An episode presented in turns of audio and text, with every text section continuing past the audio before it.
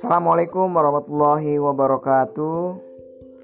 Hai teman-teman semua, perkenalkan saya Fikri Abdul Salam Biasa dipanggil dengan nama Begen Fikri ABS Di mana saya adalah seorang mahasiswa di salah satu perguruan tinggi negeri yang ada di Cirebon.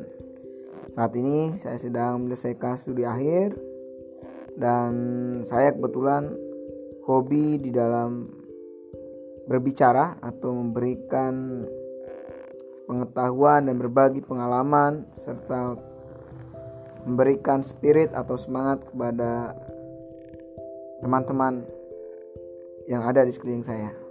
Oleh karena itu saya tertarik untuk membuat podcast di aplikasi Anchor ini.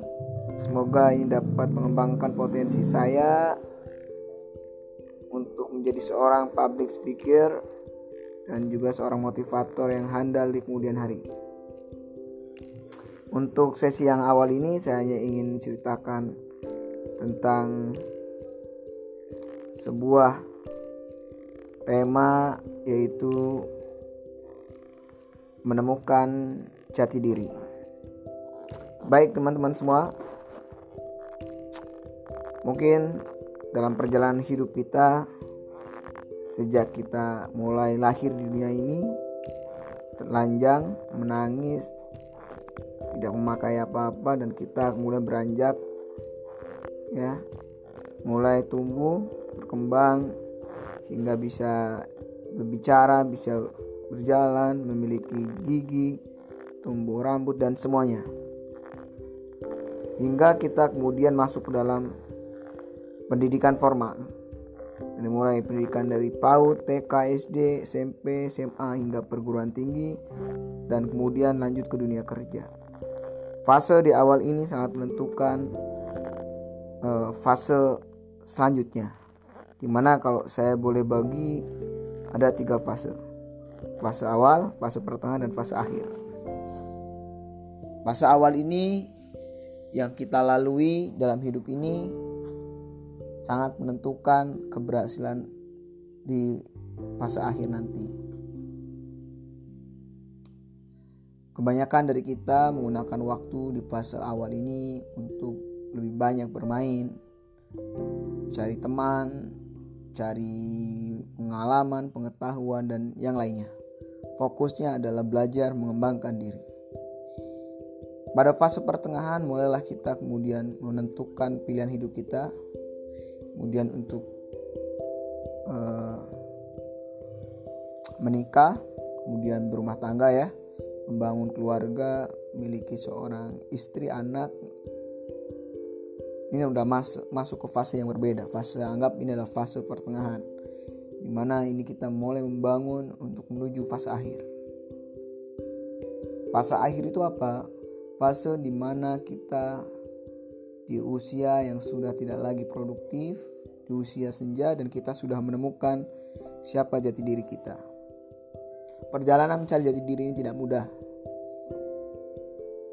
Saya waktu kecil sering diceritakan kisah dari Nabi Muhammad SAW di mana dalam agama Islam Nabi Muhammad adalah nabi terakhir yang membawa risalah Islam membawa tuntunan yaitu Al-Quran dan As-Sunnah.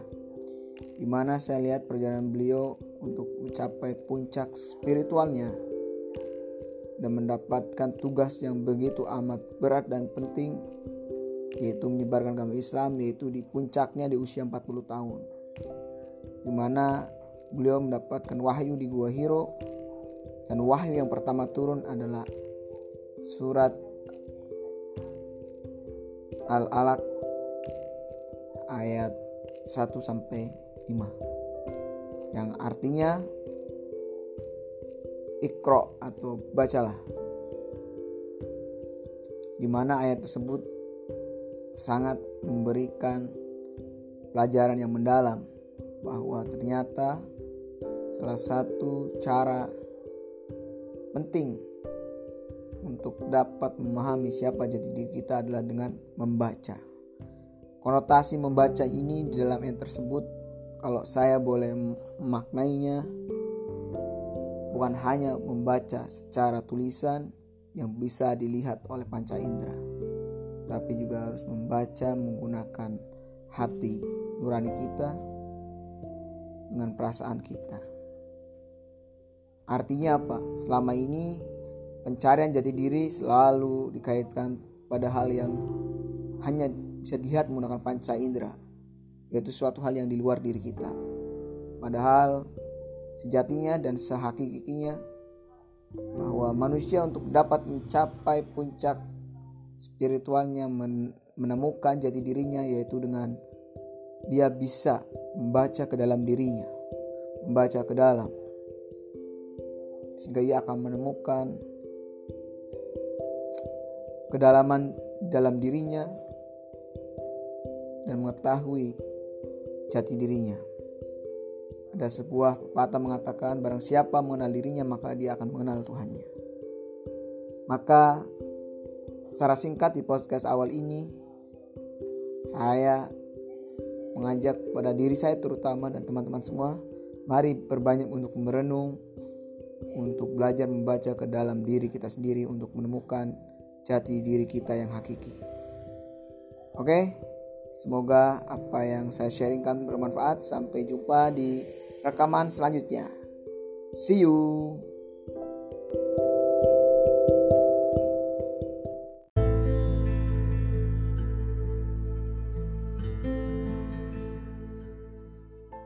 Halo, selamat malam guys.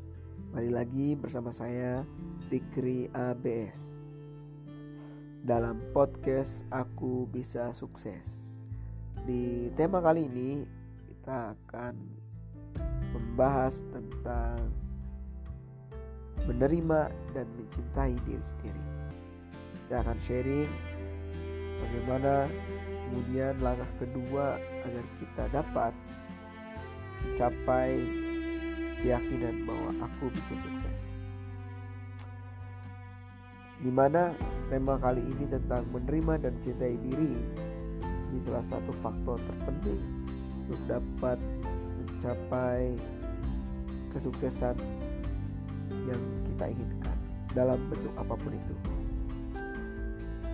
Seperti yang kita ketahui bahwa dalam hidup manusia cenderung selalu melihat di luar dirinya dan selalu memandang dan membandingkan dirinya dengan orang lain. Padahal ketika ia mampu menerima dirinya apa adanya, menerima segala kekurangannya, maka semua itu akan menjadi sebuah kekuatan dan kelebihan pada dirinya. Maka dalam kondisi apa pun kita saat ini, hal yang pertama harus kita lakukan harus kita harus menerima hal tersebut. Selanjutnya, kita harus mampu mencintai diri kita sendiri. Dengan menerima, kita sedang memeluk diri kita dan berusaha untuk bisa mencintai diri kita seutuhnya. Dan ini tidak mudah. Perlu proses, perlu berlatih. Setiap saat, setiap hari. Karena menerima dan mencintai diri ini adalah awal dari segala bentuk keberhasilan apa pun itu. Menerima bagian dari kita atau bagian dari diri kita itu hal yang sangat penting. Kita kadang menolak diri kita. Padahal seperti yang kita ketahui, ya, semakin kita menolak sesuatu, maka sesuatu yang kita tolak itu akan semakin uh, semakin kuat tekanannya. Ibarat seperti bola yang kita masukin ke dalam suatu kolam air, maka bola itu akan kembali menekan ke atas dan kencang juga. Artinya kita tidak bisa kemudian harus berperang dengan diri kita sendiri menolak diri kita sendiri konflik yang terjadi dalam diri manusia ini harus kita selesaikan maka pertarungan terbesar itu bukan dengan kita selalu bermusuhan menolak bagian diri-diri kita untuk menang dan kalah. Namun yang tepat adalah bagaimana kita mampu menerima bagian-bagian dalam diri kita, baik itu kelebihan atau kekurangan, yang kemudian itu menjadi suatu hal yang utuh. Kita berdamai, kita berkolaborasi untuk satu tujuan, yaitu bagaimana kita bisa mencintai diri kita sepenuhnya untuk bisa mengembangkan potensi terbaik dalam diri kita. Jadi pada segmen yang kedua ini kita harus meyakinkan pada diri kita menyadari bahwa manusia secara hakikat diciptakan berbeda-beda. Tidak ada yang sama, bahkan anak kembar sekalipun. Maka ini adalah sungguh suatu anugerah yang luar biasa yang harus kita syukuri. Tidak ada orang yang sama persis sekalipun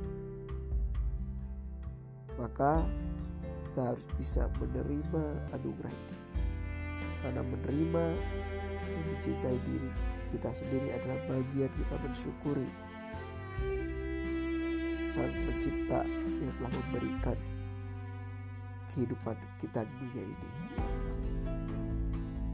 Dengan begitu saya meyakini saat kita sudah selesai mampu menerima dan mencintai diri kita sendiri, kita akan lebih mudah untuk dapat menerima dan mencintai orang lain. Karena hidup adalah sebuah cermin. Saat kita mampu menerima, mampu mencintai diri sendiri, maka kita akan jauh lebih mudah dalam menerima dan mencintai orang lain.